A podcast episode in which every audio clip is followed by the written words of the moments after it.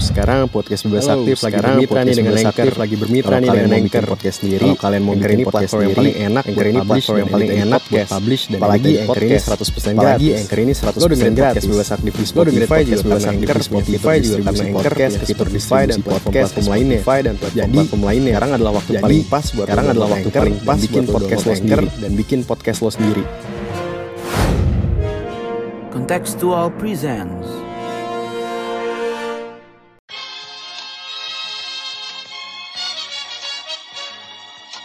伟大、光荣、正确的中国共产党万岁！ Ladies and gentlemen, it was time to end a 20 year war. No one is safe until everyone is. The world is waking up and change is coming whether you like it or not.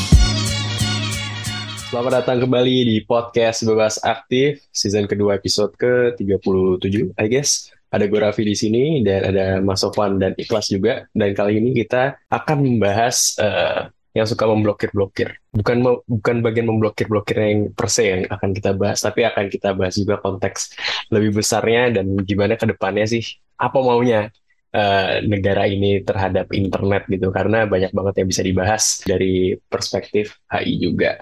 Dan sebelum kita membahas lebih jauh gitu ya, mungkin ada backdrop dulu ya kalau mungkin teman-teman yang dengar juga udah udah aware lah karena ini gede banget kasusnya di mana Kominfo, Kementerian Kementerian apa kelas? Pokoknya komunikasi ya, komunikasi. komunikasi Kayak- dan Sekarang kayak semakin mengarah jadi Kementerian Penerangan. Kementerian Penerangan.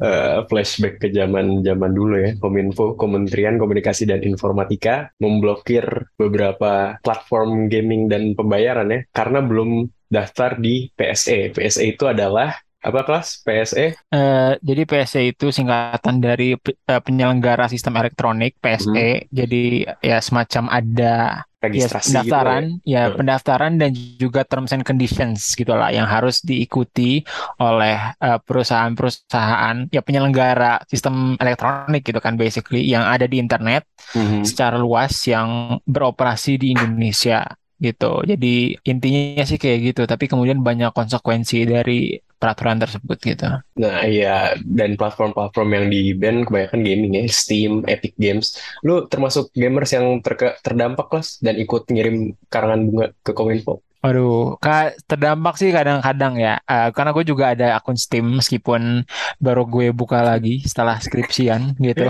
Tapi gue nggak ikut ngi- ngirim karangan, karangan bunga sih. Ya. Oke oke oke ya dan mereka tapi belakangan udah di unblock juga ya. Di tukang buburnya udah boleh masuk ya. Iya, udah boleh masuk katanya. Udah Udah tinggal nulis nulis na- nama di buku tamu Oh, iya. katanya sih. Kasih setoran bubur kali. Itu Ya, omongan ya, belakang mas itu. tukang bubur tukang bubur tukang bubur udah naik haji. Jadi itu overall mungkin backdrop dari pembahasan kita kali ini. Cuman sebelum kita jauh lebih dalam, teman-teman boleh follow podcast ini podcast bebas aktif. Kita tayang seminggu sekali dan follow sosial media kita di kon- @kontekstual.com di Twitter dan Instagram dan jangan lupa visit website kita di kontekstual.com. Oke, mungkin gue ke ikhlas dulu. Kalau tadi lu bilang tadi eh, sebenarnya band ini kan akib buntut dari perusahaan-perusahaan tersebut nggak daftar ke PSE tadi, di mana PSE adalah registrasi eh, untuk beraktivitas lah di di dalam negeri di Indonesia gitu.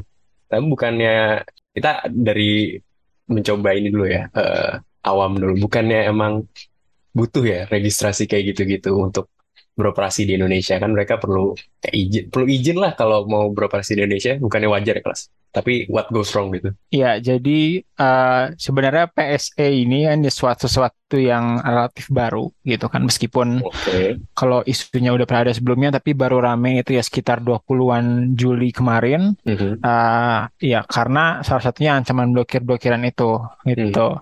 Dan ini baru dibuat eh, emang sesuai dengan rencananya Kominfo gitu kan untuk ya untuk me- meningkatkan eh, ya manajemen pemerintah terhadap internet gitu dibilangnya tapi ya ini kemudian eh, membuat apa ya sebenarnya pada kondisi sebelumnya dan pada dasarnya internet kan memang suatu tempat yang tidak terlalu diatur gitu ya Dan ini kita konsepsinya mesti bicara di ranah internet. Jadi ya seperti yang ada dalam perdebatan tukang bubur tukang bubur itu juga bahwa kan enggak sebenarnya ada dalam ruang fisik yang nyata gitu kan, tapi Hmm. di internet sebenarnya. Tapi kemudian ya banyak orang juga yang beranggapan, oh sebenarnya sama kok berlaku juga eh, hal-hal tersebut di internet. Oke, kalau itu kan eh, terkait itu arguable. Tapi kemudian yang perlu diketahui ya PSE ini nggak cuma sekedar pendaftaran atau nulis di buku tamu, tapi juga seperti yang gue singgung tadi, ada terms and conditions yang mengikutinya. Nah, dan eh, seperti yang mungkin teman-teman udah ketahui, ya beberapa di antaranya adalah seperti ya eh, dari pemerintah bisa mengakses dari data-data yang ada di dalam, bahkan yang privat gitu kan, dan eh, banyak penggunaan-penggunaan data lainnya yang sebelumnya itu yang nggak di-authorize atau nggak dimiliki oleh pemerintah gitu. Jadi Mhm. sekarang dengan PSE ini pemerintah secara luas memiliki akses terhadap eh, data-data warganya gitu kan karena sebelumnya yang punya penyelenggara-penyelenggaranya aja. Dan sebenarnya kalau eh, pendaftaran atau eh, eh, segala macam itu agak sulit. Namanya juga kan internet ya, sangat luas dan Hmm. eh, apa constantly evolving. Tapi kalau berlaku dan pada umumnya juga eh, udah ada sebelumnya kayak yang kita ketahui sekarang itu kan kalau terkait pajak-pajak gitu mah udah. Tapi ini emang lebih ke terkait eh, data governance yang kemudian juga berkaitan dengan sovereignty ya atau kedaulatan negara untuk meregulasi eh, digital space gitu atau cyberspace. Tapi ada sambungannya juga kan. Gimana tuh? Jadi menurut gue ada tiga aspek penting ini dari PSE ini ya. Hmm.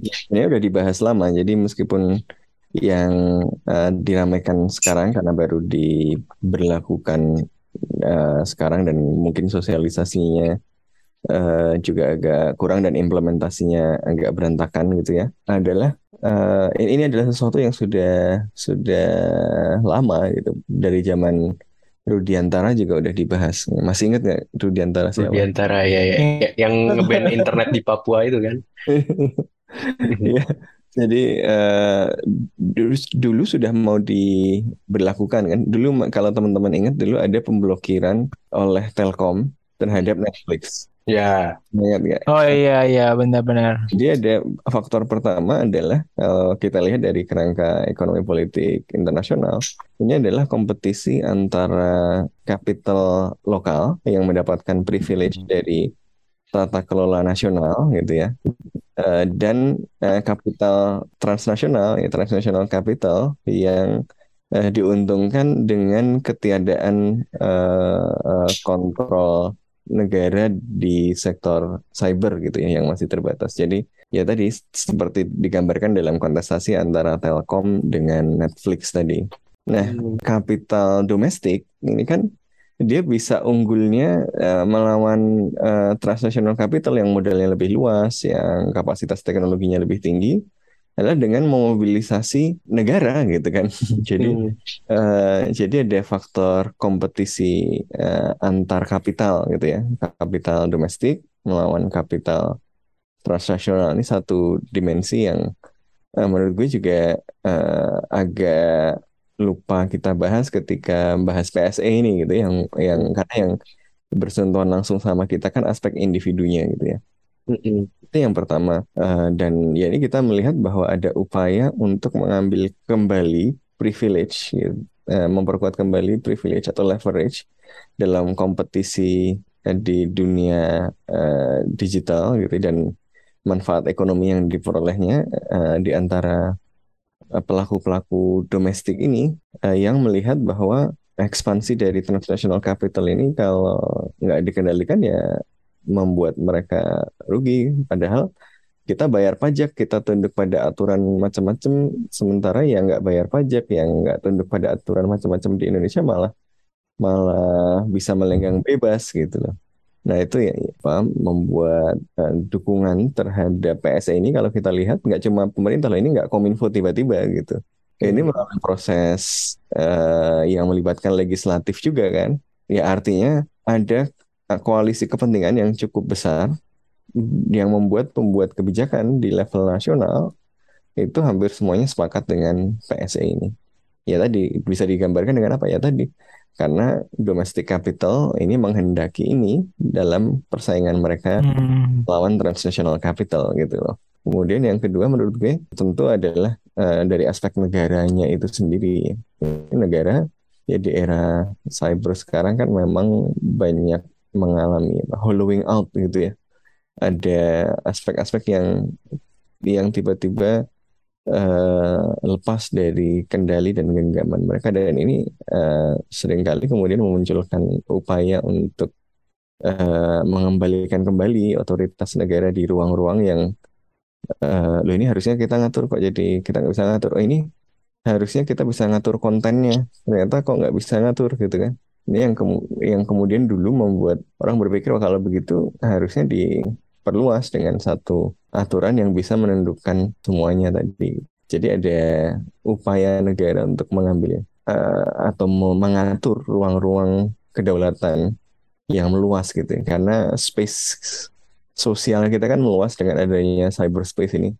Sementara cyberspace yang kemudian membuat ruang alternatif ini nggak belum dijamah oleh kedaulatan negara kan. Nah ini yang Mm. kok kemudian diextend oleh negara.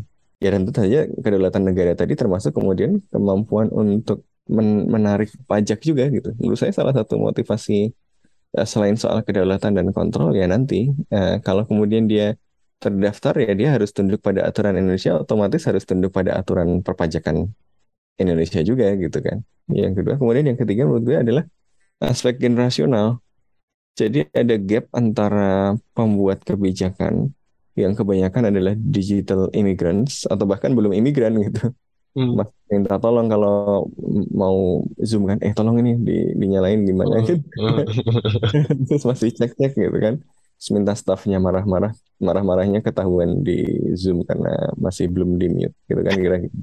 Eh, jadi generasi pembuat kebijakan yang kayak gitu, yang digital immigrant pun mungkin masih satu kaki di satu kaki aja atau satu jari aja di dunia digitalnya, eh, berhadapan dengan komunitas digital natives yang hidupnya di ruang cyber itu kan Hmm. eh, eh, hidupnya mungkin lebih lebih banyak di ruang eh, cyber daripada di di luar rumah gitu kan. Iya. Kita lihat kan sekarang generasi yang digital natives ini lebih apa ya ya, ya internet tuh bagian dari kehidupan sehari-hari termasuk kemudian ini punya konsekuensi pada konsepsi tentang kedaulatan.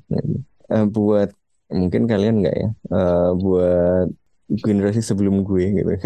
Itu kan kalau kita mau pergi ke mana-mana itu dia kita di kerangkeng oleh ruang geografis dan eh, batas-batas politis gitu yang jelas kan. Mau pergi keluar harus pakai paspor dulu sebelum ASEAN ada masyarakat ASEAN paspor pun ke Brunei pun pakai visa ke Malaysia pun pakai visa gitu loh Nah, sekarang bahkan exchange macam-macam termasuk kerja nggak perlu lagi pakai ini kan kan pada tinggal pada buka PayPal kemudian bisa apa ke freelancer ya. Ini sesuatu yang yang merupakan bagian hidup keseharian yang membentuk imajinasi tentang ruang kedaulatan yang berbeda gitu. Jadi mereka itu nggak dikerangkeng dengan batas kedaulatan teritorial. Jadi eh, apa ya? Ada ada kesenjangan gitu cara hidup digital yang relatif near teritori gitu ya, near border ya. Eh, dengan cara berpikir pembuat kebijakan yang masih Westphalian, yang masih eh, sangat mementingkan eh, keterkaitan antara eh, border dengan kedaulatan dan kontrol atas kedaulatan itu. Jadi nggak match gitu si pembuat kebijakan dengan eh, generasi yang yang punya imajinasi yang berbeda yang sekarang punya hidup dan mereka punya voice besar di sektor digital kan karena mereka memang penghuni utamanya gitu. Hmm. menarik kelas gue jadi berarti in, kalau dari penjelasan itu negara menggunakan logika tradisional tentang kedaulatan untuk mengapproach ruang cyber ini yang dihuninya udah udah macam-macam lah. Kita juga sempat bahas soal cryptocurrency di episode-episode lalu gitu. Tapi menurut lu kelas gue bisa bilang kalau ini adalah approach yang kuno nggak? Atau menurut lu emang Lo sudah seharusnya negara hadir di ruang cyber or- atau menurut lo justru ruang cyber harus internet harus anarki? Oke, ya jadi sebenarnya itu adalah ya pertanyaan yang bisa dibilang ideologis gitu ya, karena Hmm. ada perbedaan dalam cara memandang ya how to regulate internet itu yang uh, kebetulan itu udah dipublish juga dalam sebuah uh, jurnal gitu oleh Mas Abid yang kebetulan lagi nggak bisa tuh. hadir sekarang. Bagus. Tapi saya saya kebetulan penggemar Mas Abid gitu kan. Jadi Oke. jadi baca banget gitu lah tulisannya.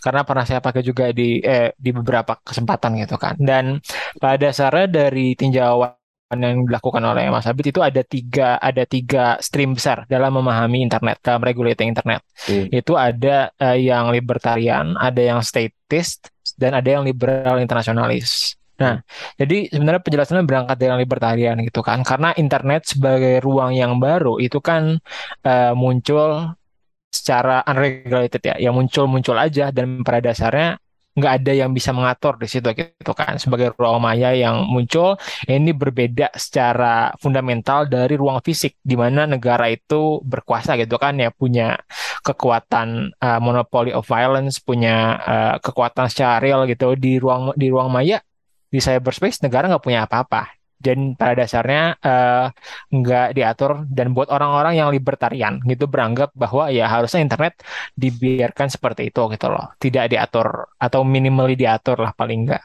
Hmm. nah tapi di sisi lain juga ada uh, per, ada juga juga ada pandangan yang statist atau pro pengaturan oleh negara. Dan ini ya pada dasarnya memperlakukan baga- uh, cyberspace seperti uh, ruang fisik gitu kan yang ada. Jadi uh, ruang digital in every way juga bisa diatur seperti uh, ruang fisik dan negara berwenang 100% gitu dalam mengatur hal tersebut. Jadi ya udah kayak mau dibikin PSE ini terserah negara gitu. Nanti mau diatur kayak gimana, data yang mau diakses kayak gimana, mau disimpan di mana dan lain sebagainya. Nah, tapi di sisi lain juga ada pendekatan yang uh, ketiga itu dari pendekatan liberal internasionalis. Jadi liberal internasionalis ini melihat ya internet sebagai fenomena yang global gitu kan. Internet bukan fenomena yang terbatas di satu negara saja dan oleh karena itu kalau perlu diatur juga harus diatur secara global gitu kan. Dan dalam hal ini juga lebih memerhatikan unsur HAM gitu misalnya kayak gimana uh, hak-hak uh, masyarakat itu harus dijamin perlindungan terhadap data terhadap penyalahgunaan dan lain sebagainya. Tapi itu nanti coba dipayungi dalam sebuah ya mungkin semacam konvensi ya atau uh, peraturan internasional lainnya yang kemudian akan diterapkan oleh semua negara gitu. Karena kita kan pakai internet buat berkomunikasi antar negara juga.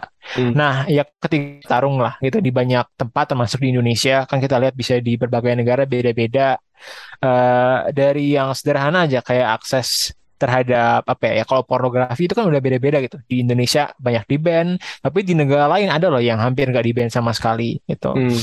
Hmm, dan kalau yang statis banget kayak Cina misalnya kan di Cina itu dia punya firewall sendiri the Great Chinese Firewall internet Cina benar-benar terisolasi dari internet lainnya dan Hmm. juga dan sayangnya buat uh, karena gue lebih cenderung ke perspektif yang ketiga sebenarnya liberal internasionalis itu belum ada sebenarnya pembicaraan yang signifikan ataupun apalagi konvensi ya peraturan gitu di level internasional terkait dengan uh, data governance atau ya governance in the cyberspace gitu. Hmm. Akibatnya jadi banyak negara uh, termasuk Indonesia gitu yang kemudian mengambil pendekatan statist gitu loh kayak oh ya udah uh, kita regulasi internet uh, sesuka kita aja karena ini sama seperti uh, ruang fisik kita ini adalah kedaulatan kita gitu di sana dan salah satunya itu termanifestasi dalam PSE ini dan memang sebenarnya uh, kedaulatan itu sendiri juga bisa dimanifestasikan dalam dua bentuk gitu ya. Kalau dari uh, jurnal Mas Abid itu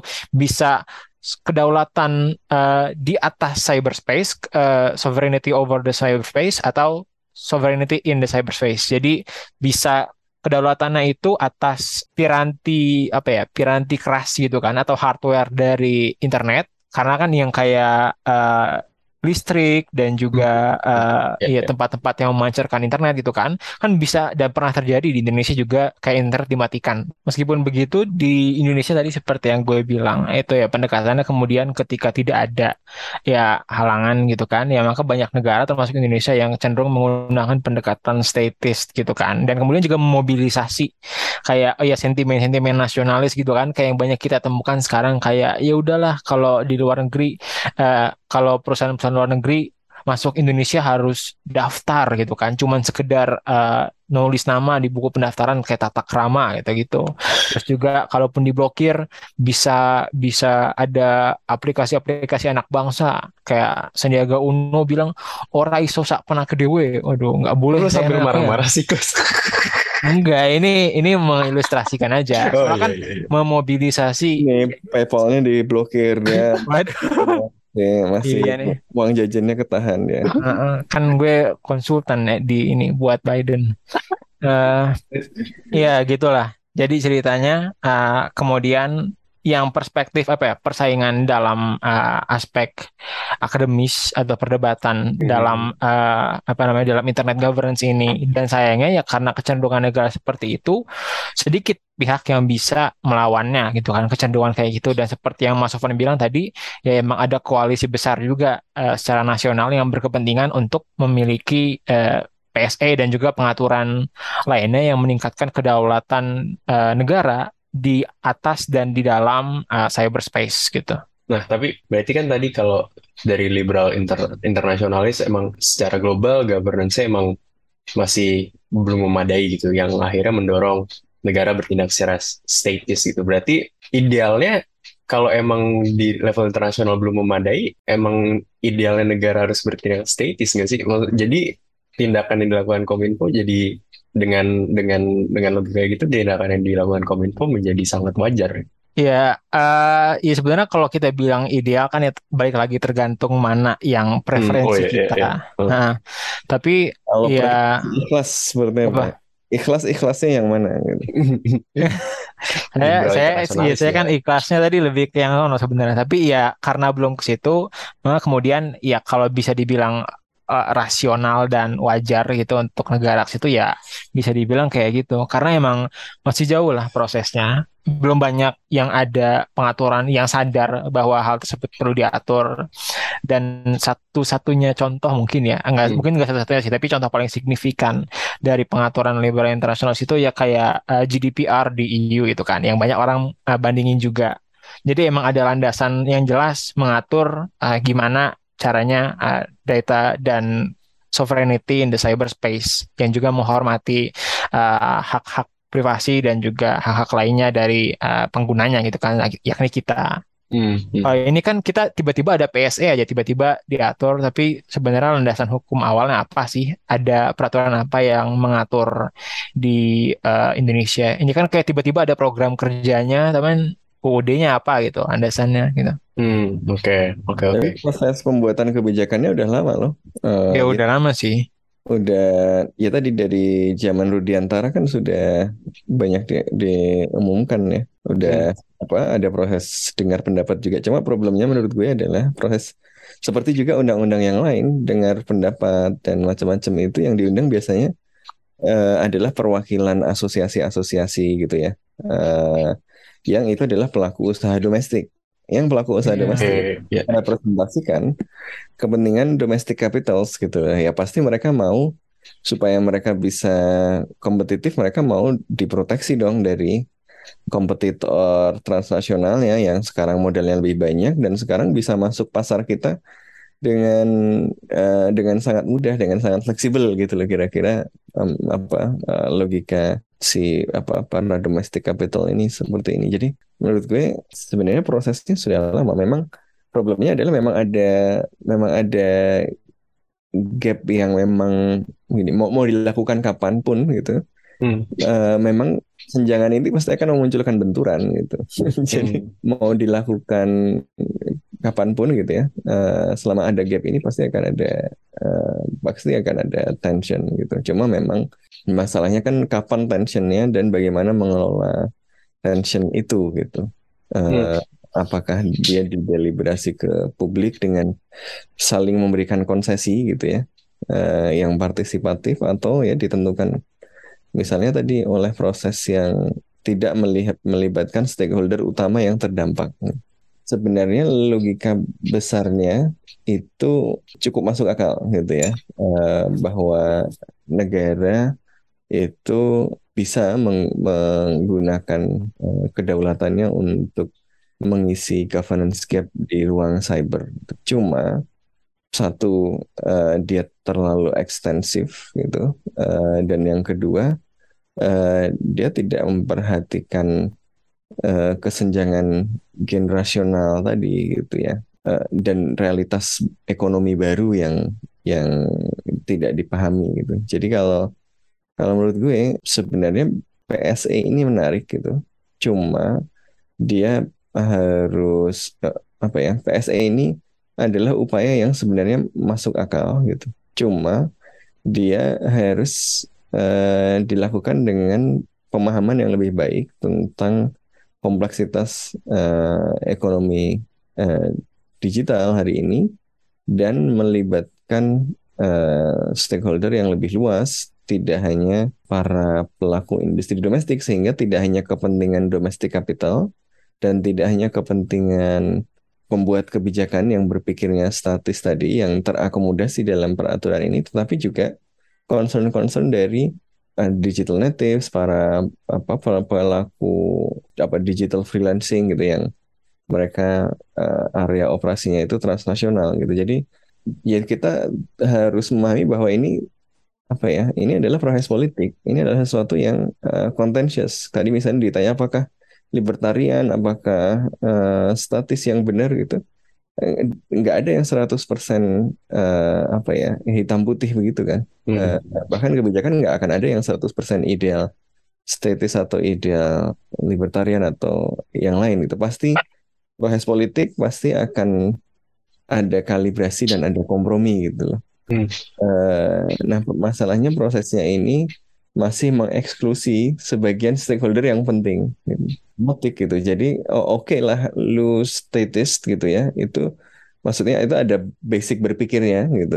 Eh, ada dasar logikanya, dasar filosofisnya yang kalau di-argue dengan benar eh, itu sebenarnya sesuatu yang cukup solid gitu ya, tetapi dia tidak didasarkan pada pemahaman kontekstual gitu Hmm. tentang ekonomi digital hari ini, tentang eh, digital apa tentang cyberspace hari ini dan ten- dan dia tidak melibatkan partisipasi dari eh, stakeholder yang hidupnya sangat embedded di dalam cyberspace ini gitu loh. Jadi Hmm. eh, begitu terganggu ya reaksinya pasti eh, keras gitu kan dan eh, kaget gitu karena mereka nggak pernah tahu ada stakeholder yang kayak gini yang powerful juga gitu.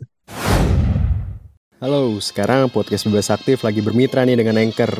Kalau kalian mau bikin podcast sendiri, Anchor ini platform yang paling enak buat publish dan edit-edit podcast. Apalagi Anchor ini 100% gratis. Lo dengerin podcast Bebas Aktif di Spotify juga karena Anchor punya fitur distribusi podcast ke Spotify dan platform-platform lainnya. Jadi, sekarang adalah waktu paling pas buat lo download Anchor dan bikin podcast lo sendiri. Nah, salah satu respons dari Kominfo dari pemerintah gitu terhadap protes-protes terutama dari gamer gitu. Protes-protes terhadap pemblokiran-pemblokiran ini kan eh, bilangnya ya nggak apa-apa Steam diblok misalkan. Itu memunculkan ruang buat platform anak bangsa gitu. Nah, ini kan menarik karena secara jargon gitu ya iya penting gitu untuk memberdayakan Itu bener loh tapi anak bangsa kan, masalah kan bangsa mana kan? iya Betul. Nah iya makanya eh, jadi penting juga sebenarnya untuk ngebahas ya gimana tadi platform-platform yang dibuat sama anak bangsa kalau eh, misalkan ada dari eh, transnational capital gitu dari luar. Nah kalau menurut lu kelas gimana? Ini kan sebenarnya concern yang wajar tapi digunakannya sama pemerintah kalau menurut gue digunakannya jadi semacam kambing hitam gitu ya. Walaupun concernnya menurut gue valid gitu. Tapi lu ngelihat alasan ini tuh seperti apa gitu? Emang apakah emang perlu dilindungi gitu pasar pasar domestic capital yang tadi Mas Sofwan bilang? Oke, iya. Eh, Mas Sofan sih bilang bukan perlu dilindungi ya, tapi adalah kepentingan dari domestic capital untuk mau Hmm. melindungi itu. Oke. Tapi ya, tapi kalau kalau dari gue sih sebenarnya eh, di internet yang sampai sekarang juga secara global itu tidak teregulasi secara pasti. Sebenarnya there are no permanent domination gitu loh, kalau bisa gue lihat. Jadi selalu ada ruang untuk inovasi, selalu ada ruang untuk disrupsi gitu kan. Kayak yang kita lihat ya dalam beberapa tahun belakang ini TikTok bisa uh, sosial media giant lainnya dan mereka bahkan sekarang ngikutin TikTok gitu in a lot of ways. Iya. Dan itu menunjukkan ya gimana sebenarnya ya nggak harus pakai proteksi juga gitu kan. Ini ini mungkin bah- bahasannya bakal jadi ekonomi politik banget karena ya proteksi apalagi secara uh, internasional gitu kan. Ya itu bukan caranya sebenarnya. Yang ada kalau proteksionis ya kemungkinan besar kita cuma melayani pasar domestik. Itu pun kalau bisa gitu kan kalau berhasil. Padahal seperti yang banyak disebutkan juga oleh warganet ya bangun ekosistem aplikasi itu nggak gampang gitu loh. Nggak apa namanya be- nggak sejentik kalau di, dikerahin mau anggaran berapa miliar Triliun. juga kalau menurut gue berapa triliun nggak akan jadi secara cepat gitu loh. Kalau mau dibikin mau berapa tahun buat di Indonesia juga nggak gampang karena bukan cuma soal bikin game, bukan cuman eh, soal soal apa namanya eh, ada pengguna atau gimana, tapi kan itu juga menjadi space sendiri buat para gamers dengan segala kompleksitasnya gitu kan. Hmm. Dan jadinya ya benar gue setuju sama lo sebenarnya ini kayak sentimen menurut gue gue kayak pendapat gue pribadi juga sentimen yang nggak sepenuhnya justified ya karena terlalu banyak sentimen eh, nasionalis dan proteksionis di sini gitu kan.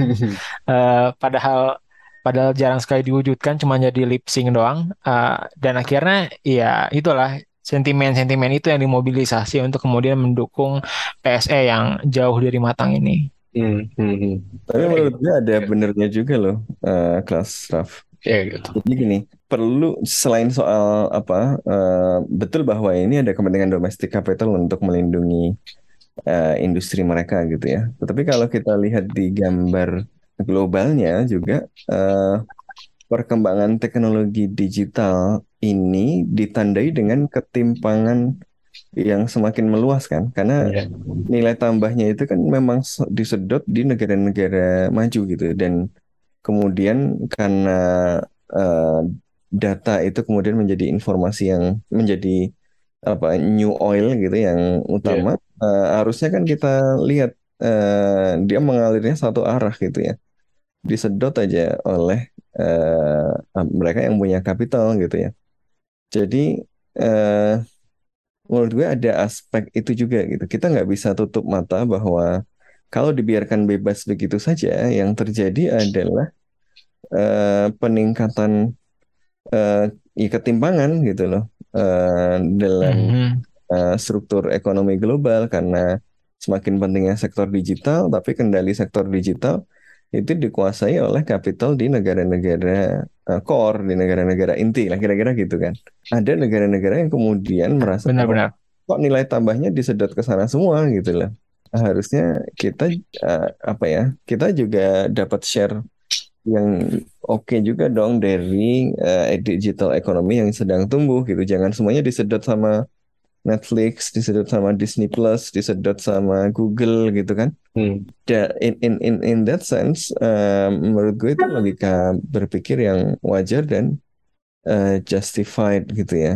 Cuma memang cara me- menawarkan alternatifnya itu eh, tadi kurang eh, partisipatif kan justru seharusnya bisa lebih partisipatif, partisipatif kalau net apa ya eh, stakeholder apa netizen yang terlibat dalam ekonomi digital ini kemudian misalnya bisa memahami eh, proses itu dan disediakan dulu alternatifnya. Jadi bukan kemudian dilarang kemudian oh anak anak bangsa bisa ya enggak gitu kan. Tapi misalnya justru meminta eh, Google untuk misalnya melakukan transfer teknologi yang lebih serius gitu kan. Atau kemudian me- ya memang memiliki kebijakan industri, industrial policy untuk mendukung ekonomi digital, tapi yang serius bukan cuma lomba-lomba startup yang sekarang ada di semua kementerian itu gitu loh. Hmm.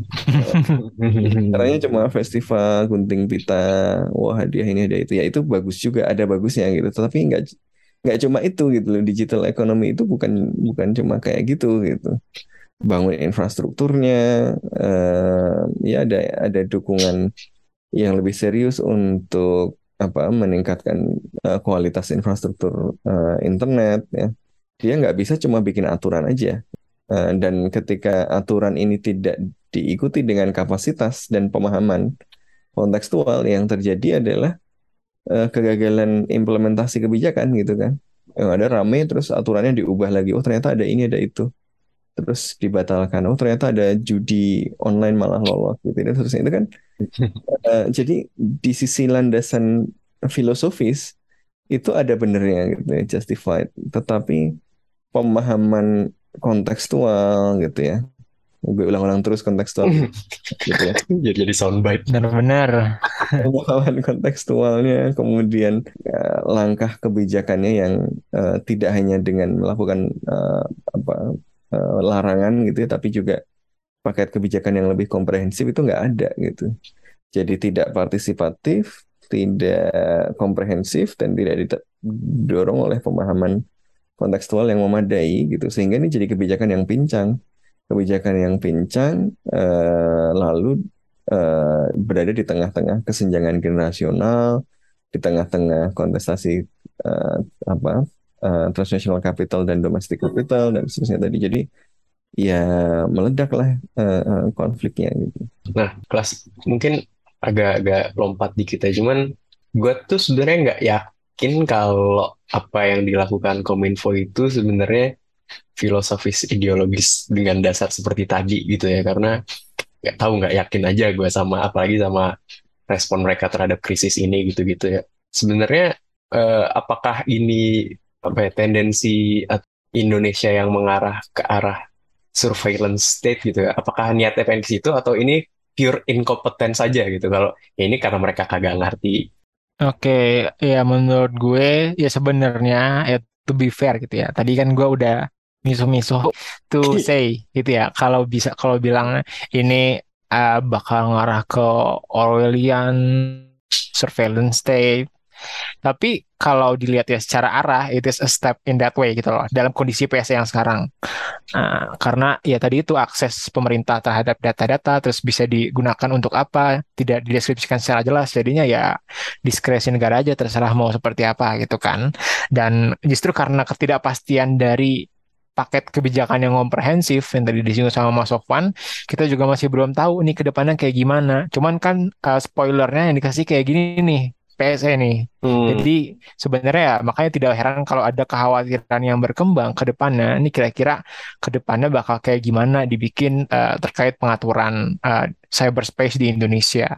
Justru hmm. yang yang selama ini diadvokasikan misalnya RUU perlindungan data pribadi itu juga mandek terus di DPR dan ya masih nggak jelas kelanjutannya dan ada tendensi sih ya kalau menurut gue uh, karena ada data juga kayak Indonesia adalah salah satu bukan salah satu negara paling banyak yang meminta penghapusan data gitu kan dari uh, dari internet ada segala macam jadi ngaju-ngajuin ke Google Bahkan dan lainnya dari.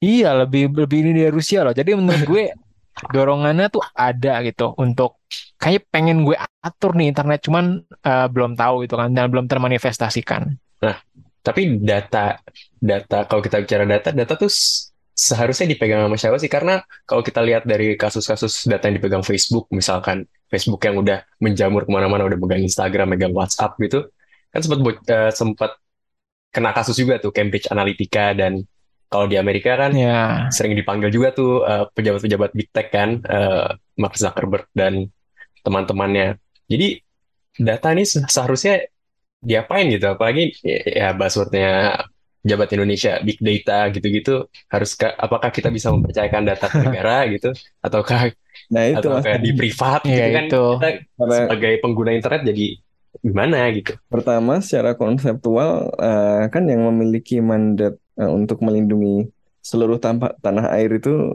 uh, dan tumbah darah itu ya negara gitu kan maksudnya dengan our current political system masalahnya eh, negara itu kan eh, legitimasinya itu hadir karena ada kepercayaan kita kepada negara. gitu. Jadi dua hal yang nggak boleh dilepaskan gitu. Jadi eh, negara itu punya kedaulatan karena kita menitipkan kepercayaan kita kepada negara. Gitu. Iya, benar. Eh, jadi secara simpel begini, data seharusnya bagaimana? Apakah dibiarkan bebas mengikuti mekanisme pasar sehingga tadi yang punya capital bisa mengeruk data kita terus-menerus? Kan nggak juga gitu ya, nggak ideal juga gitu. Eh, alternatif lain adalah kita bisa mengendalikan data kita sendiri-sendiri. Makanya ada mekanisme sekarang apa? Yang Blockchain. blockchain dan seterusnya itu kan. Eh, Iya, masih gitu-gitulah. masih jauh dan susah gitu ya. Di sisi lain ada eh, apa kalau begitu ya negara karena negara yang secara politis sekarang seharusnya mendapatkan ke- kepercayaan atau mandat dari publik. Nah, masalahnya kan eh, ini dua arah gitu ya. Jadi negara itu eh, punya kewenangan karena dia mendapatkan kepercayaan dari publik. Nah, ini problemnya gitu. Negara itu kadang-kadang ada negara yang maunya ngatur tapi nggak mau membuat dirinya dipercaya gitu. Hmm, yes. Mau nggak Hmm, memelihara kepercayaan warganya gitu kan. Justru justru ngatur-ngatur warganya supaya kamu harus percaya loh gitu. Kamu harus upacara tiap hari, kamu harus eh, mengikuti slogan-slogan tertentu gitu ya, pasang foto tertentu di label bahkan akun Twitter harus ada benderanya gitu kan. Eh, itu apa ya? Eh, ya ya kayak gitu gitu kadang-kadang. Jadi tidak merawat kepercayaan warga, tapi malah ya menggunakan eh, apa kewenangannya untuk mengatur-ngatur eh, warganya secara ekstensif gitu, tapi tidak merawat kepercayaan. Jadi it- menurut gue itu idealnya adalah negara punya derajat kendali tertentu gitu ya eh, terhadap data, tapi kendali negara itu ultimate aim-nya adalah perlindungan terhadap individu-individu warga negara gitu loh. Jadi eh, bukan malah di breach oleh negara. Kalau sekarang kan kadang-kadang eh, apa betul peran negara misalnya penting, tapi dia digunakan untuk retorika justru digunakan oleh negara untuk melanggar hak warga negara sendiri gitu kan. Jadi kita kayak eh, apa memilih mau dimakan eh, harimau atau dimakan buaya kan gitu. Iya. Di- dimakan transnational capital atau dimakan negara otoritarian gitu. Eh, Hmm. bukan pilihan yang ideal dua-duanya. Eh, dan kalau ditanya tadi mau jadi Orwellian atau enggak, menurut saya sih ada kecenderungan tadi eh, niatnya pengen, tapi kalau dilihat sih kapasitasnya nggak mampu gitu ya. Jadi Hmm. pengen bikin firewall kayak di Cina, gitu, wah ini keren gitu ya. Tapi yang jadi fire-nya doang gitu. Mungkin eh, terakhir gitu ya, kita setelah ribut-ribut soal blokir-blokir ini, dan gue nggak tahu ini bakal terjadi perbaikan atau enggak, karena kayaknya ini sangat-sangat deep gitu ya, root, eh, root problemsnya gitu. Tapi kelas, menurut lu ke depan ke depannya bakal gimana ini PSE, Kominfo dan lain-lain bakalkah ada reformasi yang eh, yang menyeluruh yang yang men- me- menyasar root problemsnya atau bakal cuma reshuffle menteri doang?